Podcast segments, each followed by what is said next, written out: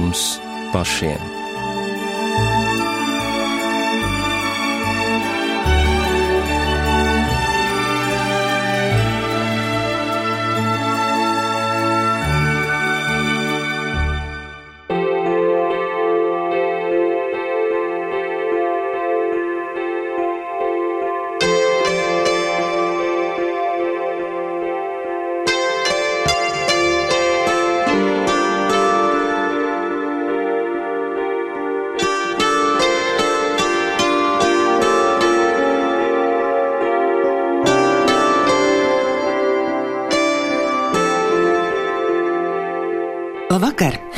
Skan raidījums pāri mums pašiem. To vada Rīta Bružēvica. Pagājušajā mēnesī Latvijā viesojās leģendārais Ķīnas pagrīdes draugu vadītājs Ļu Džņņs Ins. Ticīgie viņu sauc par brāli Junu. Viņš divas dienas viesojās kristiešu draugzē priekavēsts. Vēlos teikt paldies mācītājam Vilnim Gleškem, kas man deva iespēju satikties ar šo drosmīgo, garā stipro un tajā pašā laikā ļoti vienkāršo un sirsnīgo ķīniešu kristieti. Viņš uz Latviju bija atbraucis kopā ar savu līdzgaitnieku, somu izcelsmes mācītāju Tanku, kas jau 40 gadus dzīvo Ķīnā. Viņš tulkoja Juna stāstījumu no ķīniešu uz angļu valodu.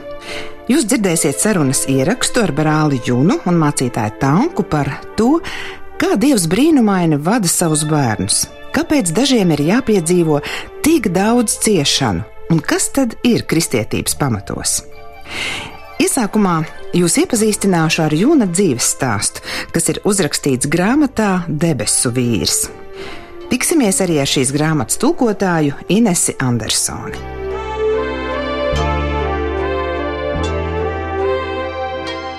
Mācītāja Juna autobiogrāfija, kas uzrakstīta grāmatā Debesu vīrs, ir tulkota 45 valodās vācu, dāņu, somu, norvēģu, arābu, japāņu, ebreju, krievu, čehu, itāļu, poļu, grieķu un vēl daudzās citās valodās. Latviešu valodā šo grāmatu tulkoja Ines Andersone. Aicināju Inesi dalīties savās atziņās par šīs grāmatas saturu. Sveiki, Ines, un paldies, ka tu varēji no Valmieras atbraukt pie mums uz studiju. Sveika, Rinta! Tiešām prieks bija atbraukt, un pirmo reizi esmu rādio studijā, un tas man ir tāds pārdzīvojums pirmo reizi. Un droši vien tev arī bija pārdzīvojums lasot šo grāmatu. Vismaz man tā bija, kad es ilgi vēl par to domāju, un daudz ko tomēr nesapratu, un par ļoti daudz ko priecājos. Kā tevi Juna dzīves stāsts uzrunāja? Mani ļoti uzrunāja, es izlasīju to grāmatu pirmo reizi Krievu valodā, pareizāk sakot, man viņa piedāvāja, teica, ka ir ļoti interesanta grāmata. Un uh, no sākuma es pat viņu sameklēju internetā. Krievu valodā nolēmu, ka jāpaskatās, kas tas ir, ko man piedāvā tulkot. Un jau no pirmajām tādām viņa dzīves lapusēm man jau tas tā aizskāra, aizrāva, kad es sapratu, jā, ka tas ir tas, ko es gribētu iztulkot no krievu valodas uz latviešu valodu, jo grāmata bija krievu valodā, ko man piedāvāja tulkot. Jāsaka, nebija pirmā grāmata, ko es tulkoju, bet nu, tāda ļoti spēcīga liecība. Droši vien ar tādu saturu, jā? Jā, ar tādu pirmā. Kādu iespaidu tev tas viss atstāja? Vai tev neradās jautājums, kāpēc Dievs pieļauj tik daudz ciešanu vienam no sirds īstam kristietim? Nu, man jau liekas, ka jāskatās tur tādā plašākā kontekstā vispār jāteic, mēs ar tevi arī esam padomi laika bērni. Mums ir priekšstats, ko nozīmē padomju un komunisma vara.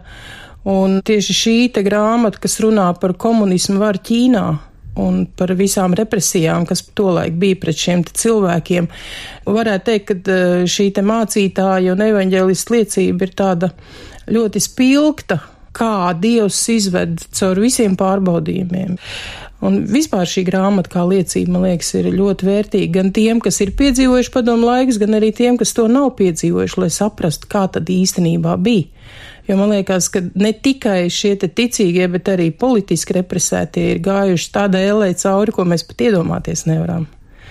Tā, un tāpēc tieši man kā ticīgam cilvēkam šie te jūna dzīves stāsta fakti un viņa tāda neatlaidība sekošanā Kristum vienkārši pārliecināja tāds, nu, sprādziens varētu teikt ticībā.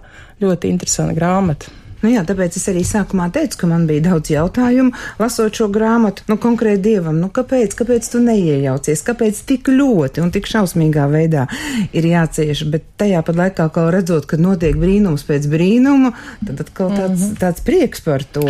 Nu, man liekas, ka tieši viņa dzīve, nu, Bībele arī teikts, ir cieties ar cietēju. Un uh, es domāju, ka viņš bija tāds dievu izredzēts ierocis visai tautai īpaši Ķīnas tautai šajā viņa provincē, kur viņš sāka tajā Naņjens provincē, kā evaņģēlis strādāt, gan arī pēc tam visā pasaulē, kuros cietumos tik viņš nepabija, ja. Un viņa dzīve bija par piemēru jau pirmkārt tiem kristiešiem, kas bija Ķīnā. Un acīm redzot, pašā grāmatas sākumā ievadā jau ir teikts, cik ļoti cieta tajā Ķīnas kultūras revolūcijas laikā visi šie kristieši, kas tur bija, praktiski bija iznīcināti. Un viņa dzīve, viņa tā liecība, viņa izturība, viņa cīņa, man liekas, tas bija viņiem tāds lāpa tumsā, ka cilvēks var izturēt, ka Dievs ir ar viņu un ka viņš uzvar. Ja, un... Tas bija tāds pamudinājums pārējiem ticieši, es domāju, ka jā, turpināt. tāpēc arī bija šīs viņa ciešanas, ja parādīts, ka viņam pašam pirmkārt, ka viņš to var izciest. Tie, kas lasīs vai ir lasījuši, jā, nu es domāju, ka 72 dienas gavēt, neēdot un nedzerot, jā, vispār ir prātam neatveram. Pat ārsts saka, ka tas nav iespējams, jā, bet, nu, tomēr ar Dievu viss ir iespējams. Un arī viņš pats saka, ka tieši tajos brīžos, kad viņam bija visgrūtāk, un arī tajā laikā, kad viņš nēda divi ar pus mēnešus un nedzēra ūdeni, tad viņš visvairāk izjūta dievu tuvumu. Un tad jautājums, kā tev pašai ir un kādos brīžos tu visvairāk izjūti dievu tuvumu? Nu, arī droši vien tādos brīžos, kad ir tādi sāpoši jautājumi, kad tu vienkārši sauc uz Dievu atbildi gaidi un, un tad ir tāds, wow, atnāca, jā, nu tāda pārliecība, jā, kad, kad tas ir un patiesībā arī manā dzīvē, kad bija kādi grūti brīži, kad man bija kaut kāda izšķiršanās jautājumi, ko tad darīt, kā darīt, jā, tad saņemt tās atbildes palīdzēja sakot Dievam.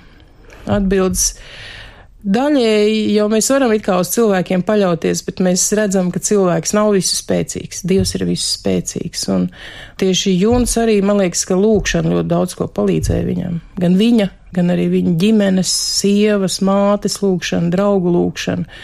Tas, man liekas, bija tas, kas viņu tur visās tajās vajadzībās un problēmās izcēla ārā. Un ka viņš ir dzīvu liecību mūsdienās, staigājoša liecība apkārt. Jā. Jā, viena otra lieta sasaucas arī ar mūsu personīgo dzīvi. Tāpat kā Junam, tu pieminēji, bija lūkšanas pamatā, bija mācas lūkšana. Tev jau arī dzīvē lūkšanai, tieši mācas lūkšanai ir liela nozīme. Jā, tieši tā. Pastāst mums par to. bija atmodas laiki Latvijā. 90. gadi, un um, man māte Dievs stipri uzrunāja, viņa atgriezās pie Kristus, kaut ko viņa bija dzirdējusi par Dievu, bet nebija kristieta. Un tad Dievs viņu tā stipri satvēra un veda pie sevis arī caur dažādiem pārbaudījumiem, bet viņi nāca un, un tad viņi sāk mums visiem mājā liecināt, un man liekas, es biju tas stiprākais pretinieks, kas teica, liec tu man mierā, es negribu dzirdēt neko.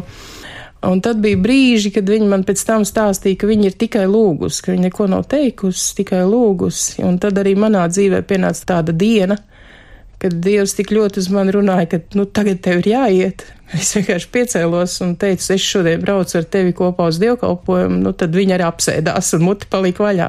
Bet es saprotu, ka viņa man neko neteica. Viņa lūdza, sauc uz Dievu un teica, lūk, mana meita ņem viņu, dari ar viņu kaut ko. Un tas, no, eh, un tas nostrādāja. Tas nostrādāja, jā.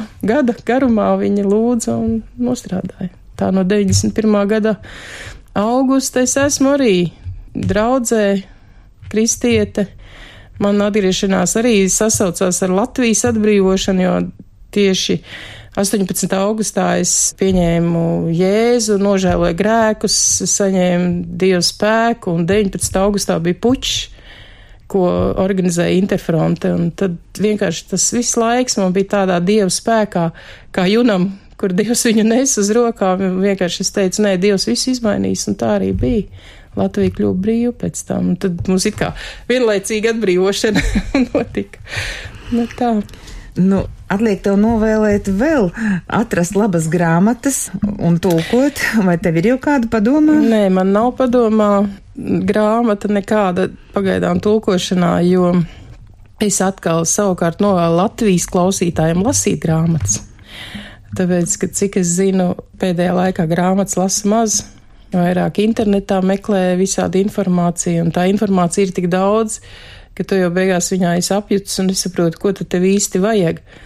Bet, ja tu paņem šādu grāmatu rokā, tas laiks, ko tu pavadi pie grāmatas, un tas, kāda grāmata ietekmē tavu domāšanu, tavu iztēli, kā tu ar savu dvēseli tur var līdzdzīvot, ja tas nevar līdzināties 5 minūšu ziņām internetā. Tāpēc es tiešām iesaku Latvijas kristiešiem, latviešiem vispār lasīt grāmatas.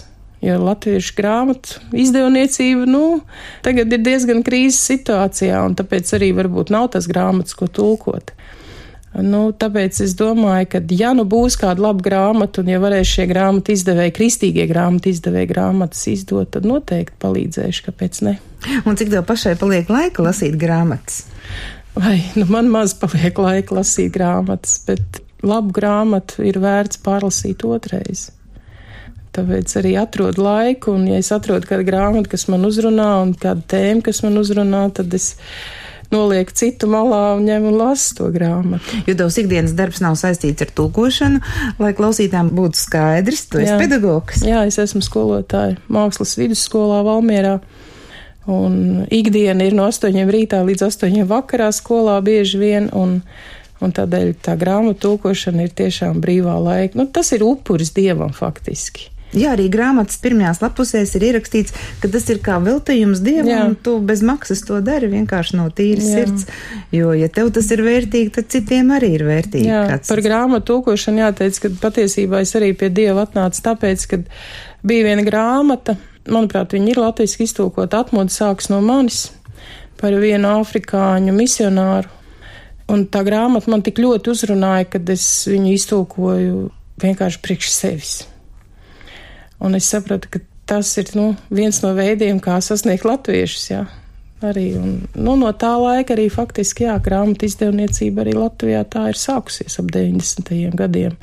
Īpaši kristīgās grāmatas, kad sāk tulkot, sāk rakstīt, izdot Latvijā. Paldies! Tavs vēlējums bija labs. Lasīsim grāmatas. Jā, lūdzu. Brālis Juns ir dzimis 1958. gadā kā ceturtais bērns piecu bērnu ģimenē, parastā zemnieku ciematā Henaņas provincē. 16 gadu vecumā viņš kļuva par kristieti. Savas ticības dēļ viņš ir gājis cauri ļoti smagiem pārbaudījumiem, apmēram 30 reizes arestēts. Kopumā desmit gadus pavadījis Ķīnas cietumos, kur viņš ir ļoti nežēlīgi spīdzināts.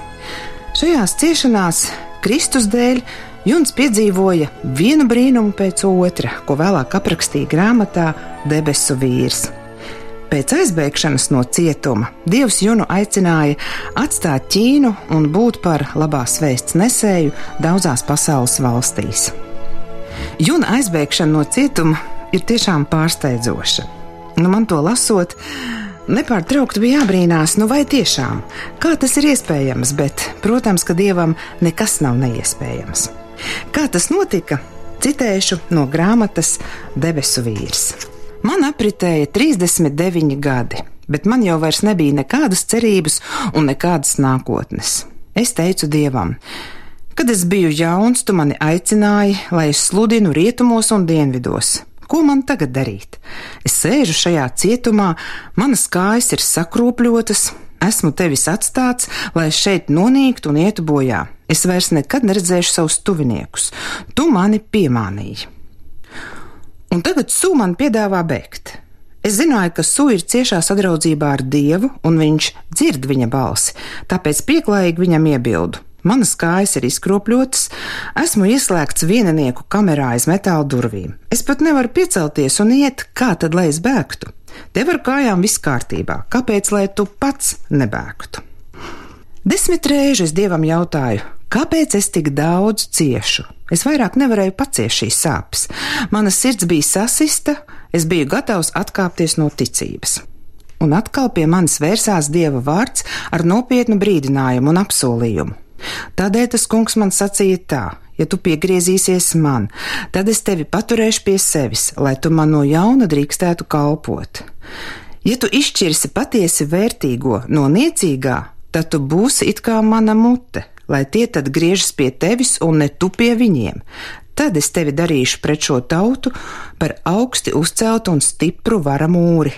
Ja tie tev uzbruktu, tevi nepārspēs, jo es esmu ar tevi, lai tev palīdzētu, tevi glābt un tev piešķirt uzvaru. Tā saka tas kungs. Es tevi glābšu no ļauno rokas un tevi atsvabināšu no varmāku dūres. Jeremijas grāmata 15. nodaļa. Es vēl nebiju paspējis izlasīt šīs rindas, kad pēkšņi manā priekšā kā zipsnis paskrēja spilgta vīzija, turklāt ne pa sapņiem, bet īstenībā. Es ieraudzīju savu sievu deliņu sev blakus. Viņa bija tikko izlaista no cietuma, un viņa gatavoja man zāles. Viņa maigi apstrādāja manas brūces, un tas ļoti mani uzmundrināja, un es viņai pajautāju: Tevi jau atbrīvoja? Viņa man atbildēja apmēram tā: Kāpēc gan tu neatver metāla durvis? Pirms es pratu viņai atbildēt, viņa izgāja, un vīzija beidzās. Un tad es dzirdēju šādus vārdus: Tava atbrīvošanas stunda ir situsi.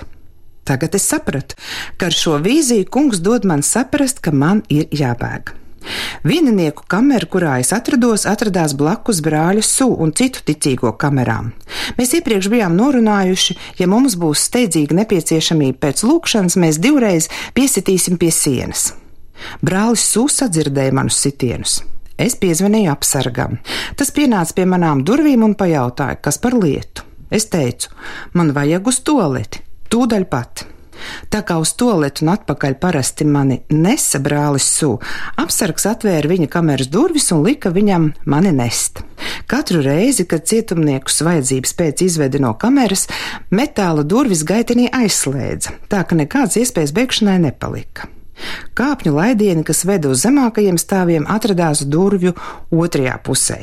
Izejot no kameras, mēs nonācām slēgtā telpā. Durvis uz gaiteni atslēdz tikai tie, kas nāca no ārpuses. No iekšpuses tās nevarēja atslēgt. Tādas metāla durvis bija katrā šī cietuma stāvā. Parasti apsardze atradās abās durvju pusēs, un, lai izietu cietuma iekšējā pagalmā, vajadzēja iziet cauri trim metāla durvīm trijos stāvos, paiet garām sešiem apsargiem. Brālis sūp pienāca pie manām durvīm, ieraudzījis mani, viņš tūdaļ man pavēlēja: Bēdz, tev tagad ir jābēg! Tad viņš atgriezās savā kamerā pēc dvieļu un zoba birstes, lai apsargi domātu, ka viņš iet uz mazgāšanās telpu. Es biju apakšveļā un cik vien ātri spēju uzvilku bikses. Man uz toalets papīra ruļļa bija izrakstīts Jāņa evaņģēlijas un apustuļa Pētera pirmā vēstule. Es no tā iztaisīju patiesības jostu un apjozos ar Dievu vārdu sev ap vidu. Es skaļi lūdzu, kungs, tu man atklāji, ka man jāpamet šis cietums. Es tev tagad pakļaujos un mēģināšu bēgt, bet kad apsardzes sāks šaut uz mani, lūdzu, pieņem manu dvēseli savās mājvietās. No tā laika, kopš man salauza stilbu kaulus, bija pagājušas sešas nedēļas. Es nevarēju ne tikai kaut kur uzkāpt, bet pat pakustināt kājas. Šīs kustības man sagādāja ugunīgas mocības. Bet es sapratu, ka Dievs trīs reizes man atklāja savu gribu, un ka man ir jābēg, pakļaujoties viņa gribai, kas izteikta caur vārdu, vīziju, ko es redzēju šorīt, un arī caur brāli sūdu. Jebkurā situācijā, kad kungs pavēl mums kaut ko darīt, ja vairs nepaliek laika apdomāšanai un paskaidrojumiem, tas ir jādara arī bez apdomāšanas. Tā māca dzīve, jo mēs esam pārliecināti, ka Dievs pavēl mums darboties, kā manā gadījumā, tad mūsu pienākums vienkārši ir viņam pakļauties. Nepakļaušanās nozīmē, ka mēs uzskatām sevi gudrākus par viņu un labāk zinām, kā rīkoties ar savu dzīvi. Tas notika dažas minūtes pirms astoņiem, 1997. gada 5. maija rītā. Ja spriež cilvēciski, tad sliktāku laiku beigšanai nevar iedomāties. Parasti šajā laikā dzīve cietumā burbuļo, un visos posteņos ir pilns ar apsargiem. Šļūkājot ar kājām, es izgāju no savas kameras gaiteņa metāla durvju virzienā. Es domāju tikai par to, ka man ir jāpakļaujas dievam. Es skatījos taisni savā priekšā un lūdzos pie katra soļa, gandrīz neelpojot. Apsargs, kas spieda pogu, kad vajadzēja, sēdēja trešā stāva kāpņu telpā. Redzēt, kas notiek aiz durvīm, es nevarēju, jo durvis bija no metāla, bet mazā atvere tajās bija aizklāta ar melnu audumu. Tanī mirklī, kad es beidzot nokļuvu līdz durvīm, kādu dieva kalpotāju, brāli Maņšeņu, konvojēja atpakaļ uz kameru. Durvis atvērās tieši viņam. Tanī rītā viņš bija tīrījis cietumu iekšējo pagalmu. Kad Maņšeņš gāja man garām, es viņam teicu: Pagaidi, neaizver. Es izgāju cauri durvīm un pat nepārmainīju soļus, cik precīzi kungs bija aprēķinājis laiku. Pājot man garām, Maņšeņš čukstus pajautāja: Tu aizēji, brāli Jun, vai tu no nāves nebaidies? Ar izbrīnu sejā viņš atgriezās savā kamerā. Maņu šeņu uz kameru konvojēja viens apsargs, bet tieši tajā brīdī, kad viņš atvēra durvis maņšeņam, dežūrtelpa gaiteņa galā iezvanījās tālrunis, un apsargs skrēja atbildēt uz izsaukumu. Pie sienas uz kāpnēm es ievēroju slotu, paķēris to sev līdzi, kāpu pa kāpnēm uz otro stāvu. Tur pie galda ar seju pret metāla durvīm sēdēja cits apsargs. Šīs durvis dažreiz atstāja atvērtas, tā ka apsargiem šīs durvis bija jākontrolē dienu un nakti, atstāt tās neaizslēgtas neuzskatīja par riskantu lietu. Tanī mirklī svētais gars man sacīja: Ej tagad, Pētera dievs ir tavs dievs. Lūk, Kungs kaut kādā veidā šo apsargu bija padarījis aklu. Viņš skatījās tieši man virsū un neko savā priekšā neredzēja. Es gaidīju, ka viņš kaut ko teiks, bet viņš tikai turpināja skatīties man cauri, it kā es būtu neredzams. Es pagāju viņam garām, neatskatoties. Es zināju, ka man jebkurā mirklī var iešaut mugurā. Es tikai klusēdams lūdzu kungu pieņemt manu garu, uzskatot, ka ir pienākuši mani pēdējie mirkļi šajā pasaulē. Ticis līdz galvenajām metāla durvīm, kas veda uz cietumu iekšējo pagalmu, es atradu tās vaļā. Tas bija dīvaini, jo šīs durvis apsargāja stingrāk par visām citām. Durvīm pirmajā stāvā parasti klāt bija ne mazāk kā divi apsargi. Viens no tiem atradās no iekšpuses, bet otrs no ārpuses. Bet kaut kāda iemesla dēļ neviens no viņiem te nebija, un pats galvenais - durvis bija vaļā. Es noliku malā slotu un izgāju cietumu iekšējā pagalmā. No spilgtās rīta saules satrūkos. Pagāmā es pagāju garām dažiem apsargiem, bet neviens no viņiem man neteica ne vārda. Tad es izgāju pa cietumu galvenajiem vārtiem, kas kaut kādu dīvainu apstākļu sakritības pēc arī bija pusatvērti. Mana sirds sitās kā negudra. Es tagad atrodos brīvībā, aiz īpaši stingrā režīma cietuma vārtiem Dženģģau pilsētā. Pēc tam es uzzināju, ka neviens pirms manis no šī cietuma nav pat uzdrīkstējies bēgt. Tūlīt pie manis piestāja taksometrs. 20-gadīgs vadītājs man atvēra durvis un jautāja: Jums kurp? Es apsēdos viņam blakus un atbildēju: Man vajag uz kantoru pēc iespējas ātrāk, tāpēc brauciet ātri. Es pateicu taksistam vienas kristiešu ģimenes adresi, ar kuriem es iepazinos Dženģžou, un mēs attālinājāmies no cietuma. Es palūdzu viņam apbraukt sastrēgumus ielu satiksmē un pacensties nebremzēt bez īpašas vajadzības. Tas viss notika dažos mirkļos un atgādināja sapni. Es nebiju pārliecināts, ka patiešām ir noticis tas, kas ir noticis, vai arī es vienkārši gulēju. Es nesapratu, kādā veidā Dievs to ir padarījis, un kāpēc visas metāla durvis, kas parasti bija cieši, jo cieši aizbūtātas, atveras manā priekšā. Bet realitāte bija tāda, ka es tagad sēdēju taksometrā un devos uz savu draugu māju. Kad mēs piebraucām, es palūdzu taksometru šoferi mazliet pagaidīt, kamēr es aiziešu pēc naudas, lai samaksātu par braucienu. Es uzkāpu pa kāpnēm uz trešo stāvu un divreiz uzspiedu zvana pogu. Viena no šīs ģimenes meitām ielūkojās atstiņā un tūdaļ mani pazina. Viņa satraukti sacīja: O, brāli Jun, jūs izlaida no slimnīcas! Es viņai sacīju: Jā, es aizgāju no slimnīcas, bet mani neizrakstīja. Vai tu nevarētu man iedot aizdevumu, lai samaksātu par taksometru? Viņa bija tik priecīga par mani, ka aizmirsa atvērt durvis. Beidzot, viņa atgriezās ar naudu. Es noskrēju lejā pa kāpnēm un samaksāju mani gaidošajam taksistam. Dārgā kristiešu ģimene, sirsnīgi sveic mani savā namā, un viena no meitām man sacīja: Visa baznīca gavēja un lūdza par jums un jūsu darba biedriem vairāk nekā nedēļu. Vakar svētais gars manai mātei teica: Es atbrīvošu jūnu, un pirmā māja, kurā viņš nonāks, būs jūsu. Viņš paliks pie jums kādu laiku, un tad atvadīsies no jums. Vecāki lika man jūs sagaidīt un noslēpt slepenā vietā. Neviens to nezina, tikai mēs. Mana mamma jau sagatavoja jums ēdienu un drēbes, bet tagad lūdzu pārģērbieties un mēs jūs turp aizvedīsim. Tas bija citāts no ķīniešu kristieša brāļa Juna autobiogrāfijas, kas uzrakstīta grāmatā Debesu vīrs. Ar brāli Junu un mācītāju Tanku es satikos viesnīcas kafejnīcā vakarā pirms viņu aizbraukšanas no Latvijas. Jūs, Jūna, uzaugāt 60. gadu Ķīnā, kad runāt par dievu Bībeles izpratnē bija stingri aizliegts. Par sludināšanu draudēja cietuma sots, katorgas darbi un dažādas represijas. Kā jūs nonācāt pie ticības dievām? 其实这个也是西国宣教士把一个福音的种子 Pirms revolūcijas Ķīnā misionāri jau strādāja mūsu valstī. 20.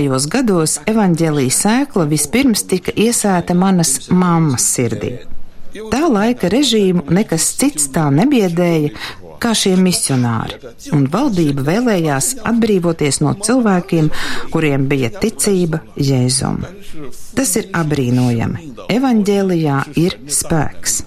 Sēkla tika iesēta un valdība nespēja izraut labās vēsts sēklu. Tā palika cilvēku sirdī. 很简单，一个大的饥荒临到了，中国有超过四千人在饥荒中饿死。我的哥哥 Revolūcijas pirmajos gados bija briesmīgi liels bats, un vairāk nekā 70 miljoni cilvēku no bada nomira. Arī mans vecākais brālis nomira. Notika, kā Jēzus teica, Sātans ir nācis, lai laupītu, nogalinātu un iznīcinātu, un viņš sāka laupīt ticību no cilvēku sirdīm. Velns izmantoja bailes. Mana māte bija pārņemta ar bailēm. Viņa pārstāja liecināt par Jēzu un pārstāja lūgt. 哥哥的在饥荒中饿死了以后，医生一说我父亲在那活两个礼拜， Pēc tam, kad nomira mans brālis, mans tēvs palika ļoti slims. Viņam diagnosticēja smagu saslimšanu, neārstējamu vēzi. Kādu nakti tas notika pusnaktī, māte, nevarēdama vairs to paciest, nolēma izdarīt pašnāvību, pakārties. Tajā pašā brīdī viņa izdzirdēja balsi: Mans bērns, nepadodies! Nāc atpakaļ mājās, Jēzus tevi mīl! 就在这个时候，突然间里面有一个声音，就喊叫他孩子不要放弃。 Tajā brīdī māte atcerējās, kā pirms 20 gadiem, kad misionārus izraidīja no Ķīnas, pēdējie vārdi, ko viņi teica, bija: Nebaidies, vienmēr atceries, Jēzus tevi mīl. Mūsu mājās mamma bija autoritāte. Mēs bijām pieci bērni, kas izdzīvojām. Un, kad viņa no jauna bija atdevusi savu dzīvi Jēzum, viņa mūs pamudināja un teica, lai krītam ceļos un saucam Jēzus vārdu, un ka Jēzus palīdzēs mūsu tētim. 其实我们不知道耶稣是谁，完全不知道。可是耶稣这个名字有一种能力， Mēs pilnīgi neko nezinājām par Jēzu, jo māte mums neko nebija stāstījusi. Kad sākām saukt uz Jēzu, izteikt viņa vārdu, atskārtām, ka Jēzus vārdam ir spēks. Pēkšņi mēs redzējām, kā Dievs sāka darboties pie tēva ķermeņa. Viņš atvēra acis, un nedēļas laikā bija pilnībā dziedināts no neārstējamā audzēja. Mammai šis piedzīvojums lika saprast, ka Jēzus nekad nebija viņu atstājis.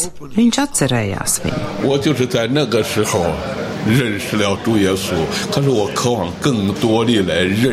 Tā bija pirmā reize, kad uzzināju, ka Jēzus vārdam ir spēks. Es vēlējos zināt, ko vairāk par viņu. Varbūt jums ir grūti saprast, bet neviens no mana vecuma bērniem Ķīnas laukos nebija dzirdējis par Jēzu un neko nezināja par Bībeli.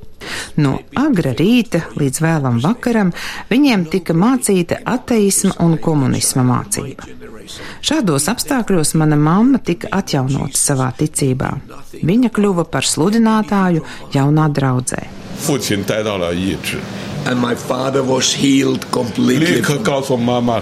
Kad tēvs tika pilnīgi dziedināts, viņš teica manai mammai, lai sūta bērnus aicināt mūsu radiniekus, jo vēlamies pastāstīt viņiem, ko Jēzus ir darījis mūsu ģimenē un cik ļoti mums visiem ir vajadzīgs Jēzus. Mums apkārt bija cilvēki, kuri bija badā līdz nāvei, kuri bija ļoti nabadzīgi un slimi. Visiem bija kādas vajadzības. Kad aizgājām līdz radu mājām, aicinājām, lai viņi nāk pie mums un redz, ka mūsu tēvs ir vesels. Sākumā viņi domāja, ka mūsu tēvs ir miris un ka mēs esam atnākuši, lai aicinātu viņus uz bērē. Mums bija ļoti jānopūlās, lai pārliecinātu, ka mūsu tēvs joprojām ir dzīves. Aptuveni 35 mūsu radinieki atnāca uz mūsu māju tajā dienā.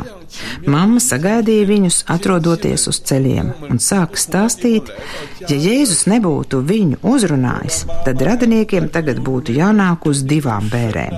Manas mātes, kura būtu pakārusies, un tēva bērēm, kurš tagad ir vesels. Jēzus ir dzīvs.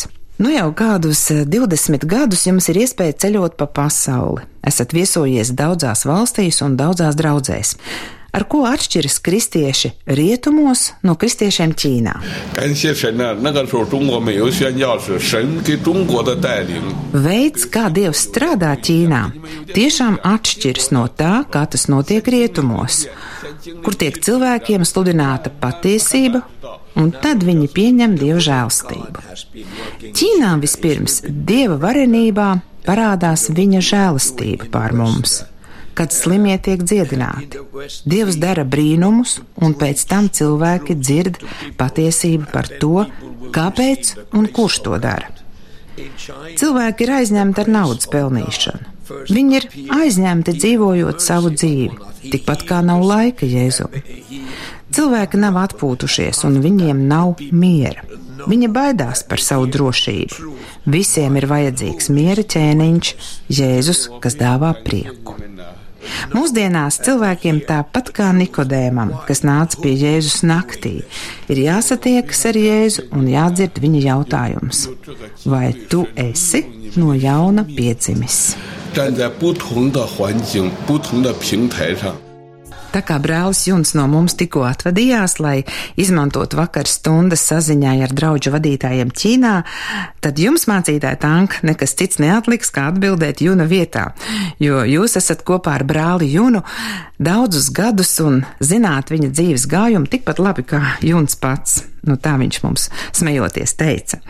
Pastāstiet par Juna ekstremālo gavēni, kas ilga 74 dienas. Tas ir divi ar pus mēnešus. So when he was arrested 1984 and thrown to prison, Kad viņu arestēja 1984. gadā un ielika cietumā, Juns saprata, ka vairāk nevar sludināt evaņģēliju.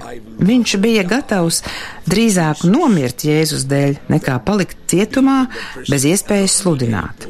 Viņš pārtrauca ēst un dzert. Viņš negavēja, viņš vienkārši pārtrauca ēst un dzert. so he stopped eating and stopped drinking. He was not fasting, but he was stopped eating and drinking.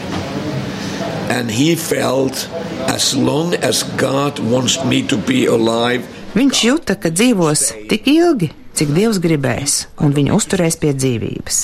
Viņš bija bez ēdiena un dzēriena 40 dienas, kad Sātans viņam teica: Māceklis nevar būt labāks par savu skolotāju, jo Bībelē ir teikts, ka Jēzus iztika bez ēdiena un dzēriena 40 dienas.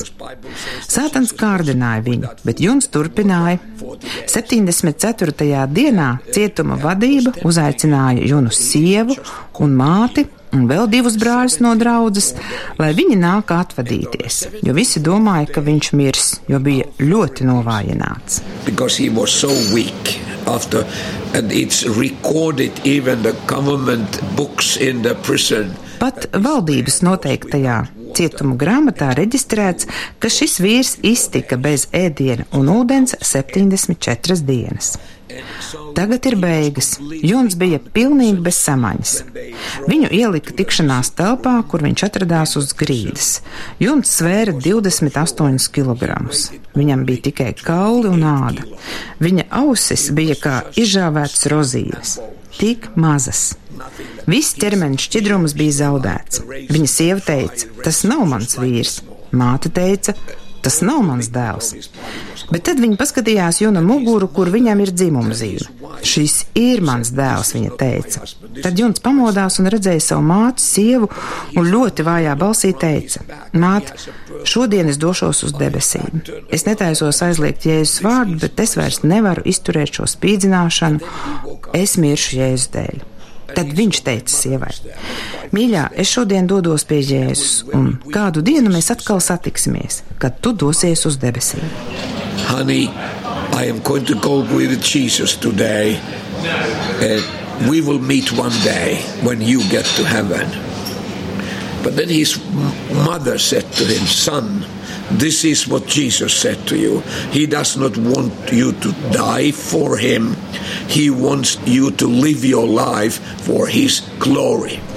Bet tad Juna māte viņam sacīja: Šis ir tas, ko Jēzus tev tagad saka. Viņš negrib, lai tu mirtu par viņu šodien, bet viņš vēlas, lai tu dzīvo savu dzīvi viņam par godu. Juns saprata, ka Jēzus to tiešām vēlas, un viņam ir kaut kas jēda. Viņi bija atnesuši nedaudz cepumus un vīnogu sulu, lai noturētu svēto vakarēdienu. Un tieši šis vakarēdiens bija pirmā lieta, ko Juns ēda un dzēra pēc 74 dienām. Un tas ir minēts cietuma grāmatās, ka Junam nebija iespējas slepu saņemt kaut ko ēdam vai dzeram. Dievs bija veicis brīnumu, un viņš sāka ēst. Daudz kristiešu praktizē gavēni. Kā tad ir tā būtība? Fasting is not related to that you will become stronger. Gavēšana nav tāpēc, lai tu kļūtu stiprāks. Ar to tā nav sakara. Gavēšana palīdz koncentrēt tavas domas un lūkšanas uz Dievu un tas palīdz noturēt tavu skatu uz krustu. Jo Jēzus teica, ka tev ir sevi jāizliedz, jāņem savs krusts un jāsako viņam. Gavēšana palīdzēs to izdarīt. Tu pakļauj savu miesu un nododies lūkšanai, meklējot dieva vaigu. Patiesībā Bībelē ir ļoti skaidri pateikts: tad, kad tu gavē, tev nevajag nevienam to teikt. Tev vajadzētu sakopt savu seju, lai neviens neredz, ko tu dari. Ja tu tā rīkosies, tad Tēvs, kas ir debesīs, tevi atalgos. Tā ir garīga darbība starp tevi un Dievu, un tikai Dievs vienīgais zina, ka tu gavē. Tā mēs darām Ķīnā. Zinot mācītāja Juna dzīves stāstu, rodas jautājums, kāpēc tik daudz ciešanu ejot pa ticības ceļu?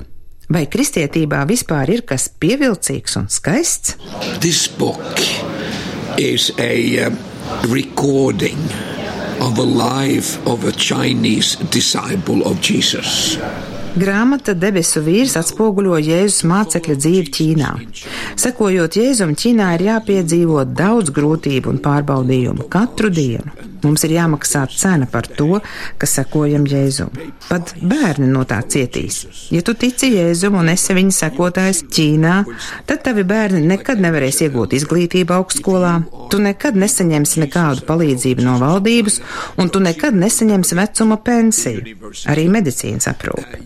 Tas viss ir atņemts, tāpēc, ka tu esi ticīgais. Tāds ir tipisks apraksts tam, ko tas nozīmē sekot Jēzum. This is just normal description what it cost to follow Jesus. Now to believe in Jesus is free. Ticēt Jēzum ir brīva izvēle. Tā ir dieva žēlstība. Tas neko nemaksā. Bet, lai būtu viņa māceklis, tas tev maksās visu. Visu. Tā ir problēma, ar ko saskaras rietumu pasaule. Mēs gribam iziet uz kompromisu. Mēs gribam baudīt pasaules labumus un arī dieva valstības skaistumu. Un to liekot kopā, sanāk brīnišķīgs piena kokteils. Bet tas nestrādā. Ja mēs gribam, lai Dievs mūs lieto, ja vēlamies, lai mūsu dzīve ir izmainīta, vienīgais ceļš ir aizliegt sevi. Es zinu, ka pasaulē man ir daudz ienaidnieku, kas saka, ka Dieva valstībā nesot ievērotas cilvēktiesības, ka Dieva valstībā nevalda demokrātija. Bet šī ir realitāte. Dieva valstībā Dievs pasaka, kā lietas notiks, un tu nekad nevarēsi vienoties ar Dievu par novirzīšanos nedaudz sāņus no ceļa, un ka Viņš tik un tā tev palīdzēs. Tas tā nestrādā. in your life, may be good for yourself. Jūsu dzīve pat par sevi var būt laba, bet dzīves beigās būs atklāsme, ka tā nevienu nav iepriecinājusi. Tā nevienu nav pozitīvi ietekmējusi, un viss ir darīts veltīgi. Ja tu vēlies būt apmierināts, tavai dzīvē ir jānes pārmaiņas kādam. Tas ir vienīgais ceļš.